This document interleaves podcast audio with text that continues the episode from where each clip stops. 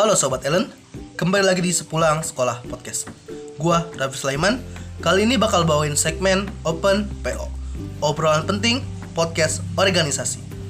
Tapi kali ini gua nggak sendirian loh. Di sini gue sama teman-teman gue ada Idam Rabani dan juga ada Aldi Lutfi. Kali ini kita bakal membawain tema uh, apa sih yang bakal kita lakuin sebagai organisasi di saat sekolah kita mempunyai kasus pelecehan seksual, ya kan? Ya. Ini sebenarnya kasusnya agak agak agak merucut banget ya, agak mengerucut banget. Enggak ya. banyak lah, banyak, sekolah yang banyak sekolah. Saya nggak bilang mengerucut sekolahnya, saya mengerucut kasusnya. Oh, iya. Maksudnya mengerucut kasusnya ya. kita salah ya. Salah ngomong ya. Iya. Bukan mengerucut sekolahnya ya. Kayak tadi ya kita umum banget sekarang khusus kan. Nah, Ah, ya. Eh, pertama, pertama, pertama. Apa pandangan lu dam tentang pelecehan seksual? Eh, apalagi di ini ya di sekolah ya. Iya di sekolah, apalagi di sekolah. Gua harusnya eh, sekolah itu bisa jadi tempat paling nyaman buat siapa pun ya, buat eh, baik murid cewek atau murid cowok untuk belajar, untuk main, untuk ketemu sama orang sama teman. Nah, gimana cara? Gimana kalau eh, sekolah itu jadi tempat eh, di mana dia dilecehkan? Ot- Otomatis kan itu jadi traumatik buat si anaknya. Dan dan hal-hal yang kalau gue jadi jadi korban pelecehan, gue pasti benci banget sama sekolah kalau gue dilecehkan di sekolah ya gue benci sama gurunya gue benci sama uh, sekolahnya dan itu malah ngebuat pendidikannya nggak nggak gitu Walau, nggak- walaupun lu dilecehin bukan sama, maksudnya bukan sama pihak sekolah gitu. Tetap benci sama sekolahnya. walaupun walaupun ya gue dilecehkan dilecehkan di sekolah misalnya Ah. ya gue bakal tetap benci sama sekolahnya gue bahkan untuk untuk ke sekolah itu aja gue merasa takut karena bakal ada memori itu kan Hmm. Karena mentalnya Iya. udah dan pasti uh, pelecehan itu nggak cuma nggak cuma uh, pada saat itu aja ke depannya pun pada saat dia misalnya mencoba baik-baik aja bisa tidak terduga. tetap aja dia bakal bakal ingat sama memori yang udah uh, saat jadi pada saat dilecehkan terus apalagi kalau misalnya pelaku pelecehannya tidak dihukum semaksimal mungkin gitu Waduh. dia masih masih ada di satu tempat sama korbannya karena otomatis jadi pressure juga buat korbannya untuk untuk beraktivitas seperti biasanya gitu kalau menurut gue sih gitu Pelakunya nggak dihukum malah peluk-pelukan ya.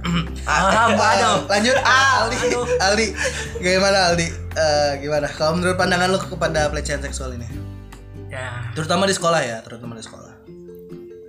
ya menurut gua pelecehan sekolah eh pelecehan yang di daerah di, di kawasan sekolah itu ya itu udah udah gimana gitu karena kan harusnya sekolah itu tempat aman dong bagi para semuanya lah entah itu siswa atau uh, setuju, guru-guru setuju. yang lain kan harusnya itu tempat aman tapi kalau misalkan udah terjadi pelecehan di kawasan sekolah ya apa iya sekolah itu masih dinamakan dengan tempat aman untuk nah itu siswa dan Argumennya good banget sih sumpah. Kalau gimana? Kalau gue ya, jujur gue benci banget sama pelaku pelecehan seksual. Karena apalagi yang di sekolah ya, karena eh, anak-anak sekolah ini mereka masih kayak istilahnya eh, dalam masa perkembangan. Eh, walaupun masih SMA dia tetap masa perkembangan menurut gue. Karena di situ dia belajar banyak hal. Kalau misalnya masa-masa muda mereka diisi dengan pengalaman traumatis, ke depannya mereka bakal gimana gitu. Makanya gue benci tuh karena eh, pelaku pelecehan seksual tuh goblok gue. gue gue bilang goblok banget karena mereka hanya mikir saat hanya mikir saat itu nggak mikir ke depannya gitu menurut gue sih kalau dari kalian sendiri nih apakah kalian pernah ngalamin atau mungkin pernah ngelihat seseorang mungkin kena pelecehan? Jujur gue pernah dilecehkan sama Aldi sih. Wah. Kok gua. Wah. Wah bercanda aja bercanda. Mungkin ya mungkin ya. Eh gue gak cuma mungkin kita juga tanpa sadar kita pernah jadi pelaku pelecehan seksual tanpa sadar. Entah itu verbal atau atau gimana. Karena pada saat di tongkrongan tuh eh, pada saat kita ngobrol sama teman-teman sering kali kan teman kita sesimpel kayak ada cewek lewat aja terus uh, di swil catcalling. di catcalling itu kan termasuk pelecehan Hmm. kita yang ada di situ juga yang tidak tidak uh, menstop kejadian tersebut juga bisa di- dianggap bagian dari pelaku karena kita membiarkan terjadi kan Hmm. Uh, cuma dalam dalam hal sekolah nih misalnya nggak cuma dilakukan sama teman dilakukan sama teman pasti banyak lah kayak pasti yang nggak terduga Uh, bukan terduga sih nggak disadarkan lah ya dari pihak guru pun uh, sebagai pendidik sering kali juga ada gitu gak, gak jarang gue sering sering ngeliat juga. Pelukan. dari gua. Aduh. Lanjut lanjut. Lanjut lanjut. Jahat ya podcast ini ya. Dan gua. Entah entah dari ST, SMP SD atau SMA ya atau kuliah. Tapi pasti ada gitu. Misal misal kayak kayak guru yang uh, menyentuh muridnya tanpa persetujuan. Uh, ya tindakan tindakan itu kan harusnya enggak itu termasuk bentuk pelecehan juga Em, bahkan ada gue sempat dengar cerita pas gue pas kita seumuran SD hmm, dia ada guru guru kayak guru ngaji gitu. Loh hmm, hmm. bukan bukan dari lingkungan sekolah tapi lingkungan pendidikan Wah, iya iya. Uh, guru ngaji terus uh, ngekis cium cium si ceweknya ini murid ceweknya. Oh. kan maksudnya kayak dia guru agama. Ah. satu itu aja udah salah apalagi sampai sampai nyium kan. Harusnya berpegangan teguh dong pada agama guru agama. Ya hal-hal kayak gitu uh, jujur ya gue gue sering banget ngeliat uh, pelaku tuh kayak dua dua mapel. Dua mapel gue Iya. apa guru guru agama sama guru olahraga nih. Bisa rawan banget gak sih? Ah. Mungkin mungkin. Oke oke mungkin bisa mungkin, dua mungkin. dua guru itu paling kenapa keresahannya nafsuan banget ya? Kayak dari gue SMP bahkan sampai gue kalian kan nggak tahu gue SMP di mana kan? Iya. SMP di mana?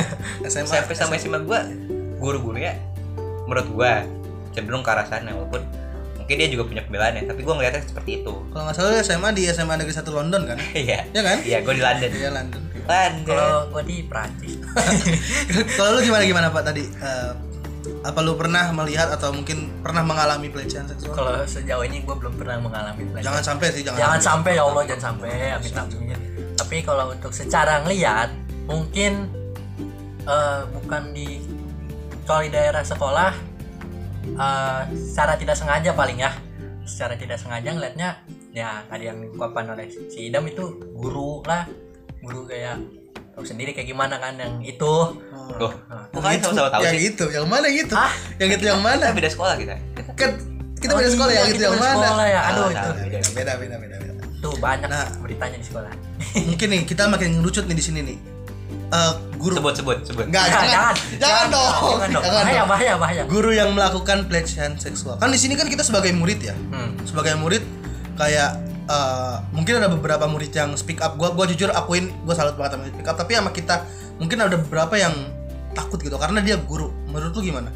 Apa yang harus dilakuin si murid yang takut ini kepada guru? Karena dengan si murid ini takut si guru makin leluasa bisa aja. Menurut gue eh, kalau gue pribadi gue nggak bisa nyalahin si murid karena dia takut. Karena itu pasti alamnya yang terjadi dalam diri dia kan. Kalau dia dilecehkan sama sama seorang guru ataupun temannya pasti eh, mungkin ada sebagian yang kayak kayak Raffi bilang untuk berani buat ngomong untuk berani buat speak up. Tapi pada saat dia di- di- defensif untuk gak mengakuin mengak- mengakui dirinya pernah dilecehkan itu kan bentuk bentuk keberanian juga. Hmm. menurut gua perlu adanya eh, apa ya kayak impact lah dari teman-teman kita. Jadi kita harus harus bisa dari kita dari kitanya harus bisa membangun relasi. Paling nggak di circle ke- terkecil kita di circle yang kita percaya. Dan dari circle yang kita percaya itu dari teman-teman kita kita harus punya insentif untuk untuk apa ya untuk berani buat eh, nanya kan kita pasti tahu dong kalau misalnya keadaan teman kita nggak baik-baik aja. Benar, benar. pasti terlihat gitu Kelihatan perbedaannya. Kita harus berani buat nanya harus berani buat nge-explore dia lagi kenapa sih lagi gimana? Harus berani buat peduli sama apa yang terjadi sama teman kita. Terus peduli jangan biar dia eh jangan sampai dia diem. Ya walaupun sekecil apa pun ya. Benar bos setuju, bos. kalau kalau lu di gimana? Pandangan lu buat guru-guru kayak gitu tuh? Aduh gua gua gua rada ini ya. Gua belum ada omongan rada ikan aduh bahaya. Ya contohnya contohnya nih misalnya misalnya kayak lu punya pacar terus pacar lu tuh dilecehin sama guru kayak gitu tuh. Lu pandangan lu pasti pasti kesel dong. Iya dong Ah. nggak mungkin nggak kesel dong. Lalu sebagai pacar pacarnya lu bakal ngapain? Kan? Ah, gua pasti suruh pacar gua untuk berani speak up sih. Kenapa nggak lu yang speak up? Hah? kenapa nggak lu yang speak up? Ya karena kan itu bukan gua kan yang itu terjadi ya yang ngera- yang yang dipelecehannya kan bukan gua yang korbannya. Terus juga kan gua nggak tahu pasti eh, sebab dan akibatnya kenapa? Terus kapan terjadinya kayak gimana? Gua juga nggak tahu tapi paling gue suruh misalnya pacar gua nih gua Hmm. langsung ke speak up eh, ke orang tua Iya, atau laporin ke, lah ya. ah, ke med. Ya itu ke orang tua aja dulu. Eh, ya menurut gua menurut gua bener.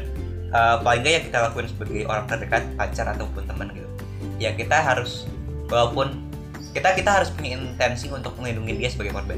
Setuju. Yang pasti eh, apa ya istilahnya kerahasiaan dia sebagai korban pelecehan harus kita jaga. Setuju. Jadi kalaupun dia dia tidak ingin buat speak tidak ingin speak up ya kita harus hargain keinginan dia. Kita sebagai orang terdekatnya kita harus harus buat dia nyaman harus buat dia eh, berani buat cerita ke kita sehingga kita yang cerita ke orang lain. Harus kuatin mentalnya lah. kita juga harus harus punya nih delik aduannya ke kita siapa. Kalau misalnya teman yang melecehkan kita adunya ke siapa. Kalau misalnya eh, guru kita adunya ke siapa. Jadi emang pada akhirnya kita harus harus eh, berani speak up dan berani buat menghukum siapa pun korban pelecehan. Sorry. Harus berani menghukum siapa pun pelaku pelecehan seksual. Ya anu hukum korbannya ya? Jangan. Dong hukum korbannya malah menurut menurut lu kayak misalnya buat anggapannya seorang guru nih apa? Hukuman apa sih yang pantas buat seorang guru yang melakukan pelecehan? Kalau gua belum kalau gua nggak ada. Oh, gua, ah, lu nggak dihukum bukan gurunya nggak bukan dihukum. maksudnya?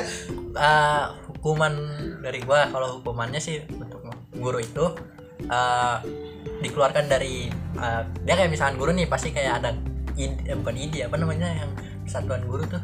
Eh, ini PGRI PGRI ah dia harus dikeluarkan dari PGRI terus juga dikeluarkan dari sekolah yang terka- terkait. Berat ya berarti ya? Iya hukumannya hukumannya berat, berat kalau lah. lu sendiri dam? Ya hukumannya tergantung sama sama bentuk pelecehannya sih.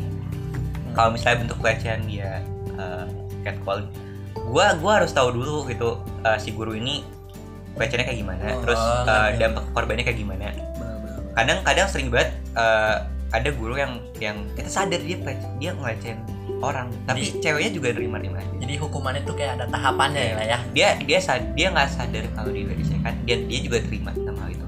Dan kalau gimana kalau kalau nggak terima? Gimana kalau uh, si muridnya juga uh, uh, inilah terbebani lah sama rasa pelecehan itu. Ya tergantung tergantung bentuk pelecehannya. Kalau misalnya dia sudah disentuh kalau misalnya dia sudah uh, diapa-apain kan ada macam-macam ada verbal dan lain-lain. Bentuk bentuk hukumannya bisa sesuai sama pelanggarannya.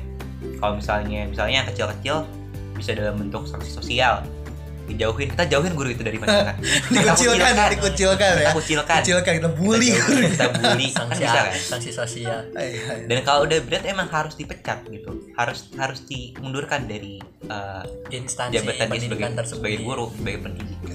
Ya karena gimana? Dia sebagai pendidik aja. Udah begitu? Yang harusnya uh, bisa uh, memberikan nuansa untuk murid-muridnya belajar Untuk- malah ngebuat murid-murid tidak nyaman. Trauma bahkan ya. Iya dan tertekan. Yang pasti tuh emang harus dihukum ya bukan disuruh peluk-pelukan. Eh, kita lanjut buat buat selanjutnya nih kita ma- masuk ke tema utama nih. Di saat lu misalnya jadi pemimpin organisasi nih jadi ketua osis atau ketua MPK di sekolah lu dan lu tahu kalau di sekolah lu ada pelecehan what would you do? Apa yang bakal lu lakuin? Gua dulu iya kalau karena dia gua lebih pengalaman karena pernah Ketua OSIS ya, ketua OSIS. Ya. pengalaman sebagai ketua osis. sebagai ketua osis. Lanjut lagi kayaknya kayak ilmu gua yang gua dapat sekarang aja ya. Oke oke. Ya mungkin ini bukan jawaban yang paling benar. Tapi eh, menurut itu terserah sih. paling enggak soalnya pendapat kan. Iya. pendapat semua orang boleh mengubahkan pendapat. Paling enggak eh, osis tuh harus harus independen lah. Walaupun kita emang emang punya eh, punya kebutuhan juga sama pihak sekolah punya kebutuhan juga sama pihak murid. Tapi kita kita bebas bergerak dengan kepentingan kita gitu. kita kita bisa menentukan mana yang baik dan buruk dan bisa menunjukkan keberpihakan. Kalau misalnya kita eh, tahu nih kita sadar ya kalau misalnya eh, pelaku ada di pihak guru dan korban di pihak murid sudah sewajarnya kita berpihak ke murid. Apa pun yang dilakukan pihak sekolah. Ya kita sebagai osis harus bisa menjadi apa ya menjadi tempat terdekat mereka untuk untuk cerita. Osis kan sudah tersebar di kelas-kelas ada MPK juga kan sebagai Ada. perwakilan kelas. Ya paling enggak eh, kita harus harus bisa ngebuat sebuah apa ya istilahnya mungkin kampanye kali. Kampanye untuk untuk ngebuat mereka korban pelecehan untuk berani cerita untuk berani ngomong ke kita. Untuk untuk ngasih informasi kita untuk eh, kita proses sebagai delik aduan gitu hingga akhirnya kita kalau kita udah tahu kita bisa proses ke siswaan misalnya. Atau kalau misalnya pihak sekolah udah udah udah buta gitu sama sama kejadian ini kalau kita harus harus ngajuin ke media atau mungkin pihak luar hukum ya, maka maka kita buat. Karena kita harus harus nunjukin keberpihakan kita ke murid. Murid sebagai korban murid sebagai orang yang dirugikan harus kita junjung haknya. Oh kalau menurut gue. Kalau lu di Kalau gua? Hmm. Nggak lu awas lu kalau bilang sama kayak idam ya. kalau kayak gitu kita berhenti aja Udah kita gak usah podcast podcast lagi kalau kayak gitu. Apa pendapat lo pendapat lo? ya pendapat gua kalau misalkan eh, ya karena gua bukan ketua MPK ya karena gua cuma sebagai Oh, anggapannya anggapannya lu lagi lagi jadi ketua lah anggap anggap aja anggap aja. ya sebuah peranggaan kalau gue sebagai ketua osis nih apabila ada salah satu murid yang jadi korban pelecehan eh, mungkin eh, yang gue bakal lakuin adalah untuk eh, osis ini ya nggak beda jauh sih dari si idam tapi eh, ada bedanya tapi gue bingung bedanya di mana itu bukan gak ada bedanya. Tadi gak ada Itu bedanya. gak ada bedanya. Tadi gak ada bedanya. ya. tapi gue ngerti Uh, kita juga dalam dalam melakukan tindakan sis juga harus wise lah harus bijaksana Benar, gue setuju. kita nggak boleh nggak boleh uh, langsung meledak dan dan asal asal bertindak. Asal. Intinya nggak boleh ke bawah emosi sama nggak boleh main hakim sendiri lah. ya dan takutnya juga malah berdampak buruk sama sekolahnya. Harus. Uh, mau gak mau ya mau gak mau kita sebagai sebagai siswa kalau misalnya uh, kita berani untuk bertindak dan membesarkan sebuah sebuah kasus otomatis ancamannya akreditasi sekolah sekolah. Dan Oke. akreditasi sekolah bakal bakal merugikan. Kalau bisa turun ya merugikan gak cuma satu orang satu dua orang dua orang tapi Semuanya, semua Semua angkatan. semua angkatan. angkatan yang ada di di Sekolah. sekolah itu jadi berhati-hati berhati-hati dalam bertindak juga perlu jangan asal langsung bablas ya Hmm, gue setuju, gue setuju, gue setuju. Eh, tapi kalau gimana kalau misalnya ceritanya tuh murid yang lecehin guru? Menurut lo gimana? Eh, kalau murid yang melecehkan guru ya menurut gue justru lebih gampang gak sih itu iya Eh, jadi guru guru yang punya guru sebagai orang tua ya. Iya. dia pasti punya eh, wawasan untuk untuk bertindak. Nggak kayak murid yang yang masih ya Masih. kebanyakan nggak tahu gitu. Iya. Hmm, hmm. Eh, tindakan guru bisa macam-macam. Kalau misalnya gurunya nggak setuju kalau misalnya gurunya eh, ya pasti lah ya bacaan nggak nggak disetujui Mana ada yang setuju ya? gimana kalau misalnya gurunya uh, mau dibawa ke jalur hukum ya sah sah aja gitu jadi tergantung sama tindakan yang guru itu lakukan kalau misalnya guru itu bisa untuk untuk diselesaikan masalah dengan baik-baik ya boleh boleh juga itu tergantung si gurunya dan Oh. dan muridnya Kalau lu sendiri di gimana? Sama kayak Idam, ya udah. ya emang kalau kalau gimana gitu kan. kalau lu gimana nah, kan lo lo lo yang ngajin Kan gua hostnya, kan gua hostnya. pasti punya pendapatnya dong Dan gimana yang mana nih yang guru ya pelecehan? yang bukan yang guru yang melecehkan. Guru yang eh melecehkan. bukan melecehkan. murid yang mereceh gue setuju sih sama lu Dam karena eh, mungkin buat di murid sendiri kan kayak mereka masih belum tahu banyak hal. Sedangkan guru sendiri mereka punya apa punya wawasan juga. Terus di sisi lain punya wewenang punya eh, apa namanya istilahnya punya apa namanya punya power di sekolah juga. Jadi eh, mungkin itu gimana balik lagi gimana cara dilecehkannya juga sih kalau misalnya emang guru itu mau ditempuh jalur jalur hukum ya silahkan aja. Bebas cuma kan ya. Uh, cuma kan mungkin si muridnya ini kan belum tahu gitu anggapannya belum tahu. Jadi kayak kalau dibawa ke jalur hukum juga walaupun muridnya di bawah umur kan uh, kasihan juga ke muridnya. Lebih baik dikasih apa namanya kalau masih di bawah umur lebih baik dikasih sosialisasi. Kita kasih tahu lah ya. Ya dikasih tahu dika- diobrolin baik-baik kalau menurut gua. Tapi kalau misalnya murid di atas umur dan udah tahu di dibawa ke jalur hukum juga ya udah Sah-sah apa-apa, aja, Bang. aja Uh, mungkin menurut gua kalau misalnya guru yang dilecehin mereka punya punya power buat uh, lebih punya power Iya. buat speak up. Tapi kalau murid yang dilecehin mereka belum tentu punya power kalau menurut karena banyak pressure-nya. Banyak pressure dari gurunya juga kan. Ya kan misalnya uh, ngelaporin kan bisa aja kan nanti pas di kelas kelas gurunya kan pasti Iya. ada aja rasa-rasa kayak Iya.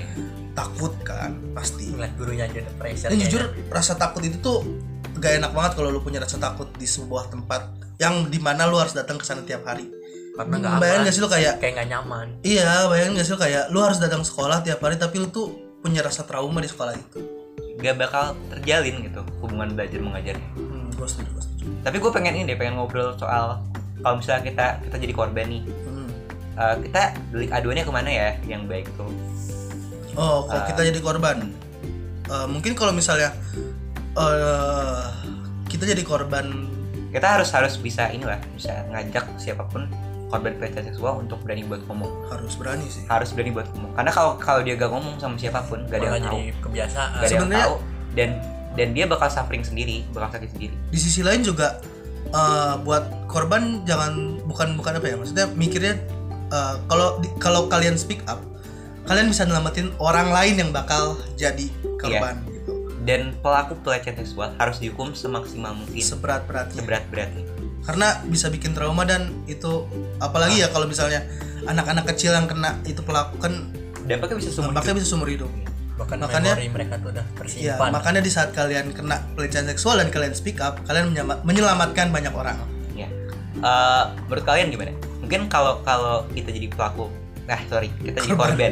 Iya. Jadi korban hal pertama yang kita lakukan paling ini ya kita harus cerita dulu ke orang Pasti terdekat kita cerita. pasti itu mah harus kita wajib cerita nah next step setelah itu apa kira-kira Eh, mungkin kalau misalnya gue pribadi ya uh, dilecehinnya sama siapa dulu lihat nah, harus dilihat dulu kita siapa pecah yang- deh sama temen sama sama guru Oke, kalau sama teman mungkin teman Ke- kelas ya, anggapnya teman kelas. Eh, pertama kita eh, cerita mungkin ke kalau gua pribadi mungkin ke orang tua atau mungkin ke guru BK. Dari sana eh, kita minta apa baiknya gimana nih? Apakah emang harus ditempuh jalur ini, jalur apa gitu kan? Kalau misalnya emang harus diomongin baik-baik, oke ketemuin, omongin baik-baik. Kalau misalnya emang dia janji nggak ngelakuin lagi dengan konsekuensi juga. Kalau dia ngelakuin lagi dia bakal bakal dikeluarin atau apalah oke gue setuju aja cuma kalau misalnya gue ngelaporin dan ke guru ke guru atau ke mana dan gak ada tindak lanjut otomatis gue bakal minta buat ngelaporin ke pihak yang lebih tinggi ya wajib deh. pihak yang berwajib nah, kalau misalnya sama guru sama guru gue bakal sama mungkin ke orang tua gue nah kalau kalau gue nggak mungkin ke guru BK kalau kalau ke guru ya kalau langsung ke orang tua. Gue minta orang ke orang tua gimana baiknya mungkin orang tua datang ke sekolah atau mungkin langsung ke pihak berwajib gue nggak tahu Iya. juga. Yang pasti biar gimana pun juga eh, pelaku pelecehan seksual harus dihukum. Jangan dibiarin peluk-pelukan sama korban. Aduh aja masih kalau kalau yang lain kalau yang lain kalau sendiri gimana? Ya gue gue setuju. Kalau misalnya kita harus pecah dulu nih antara guru sama teman. Kalau teman yang melakukan tindakan pelecehan mungkin ya jalur jalur utama kita harus harus tetap ngobrol sama mungkin teman terdekat kita seorang tua kita ngobrol sama mereka gimana baiknya.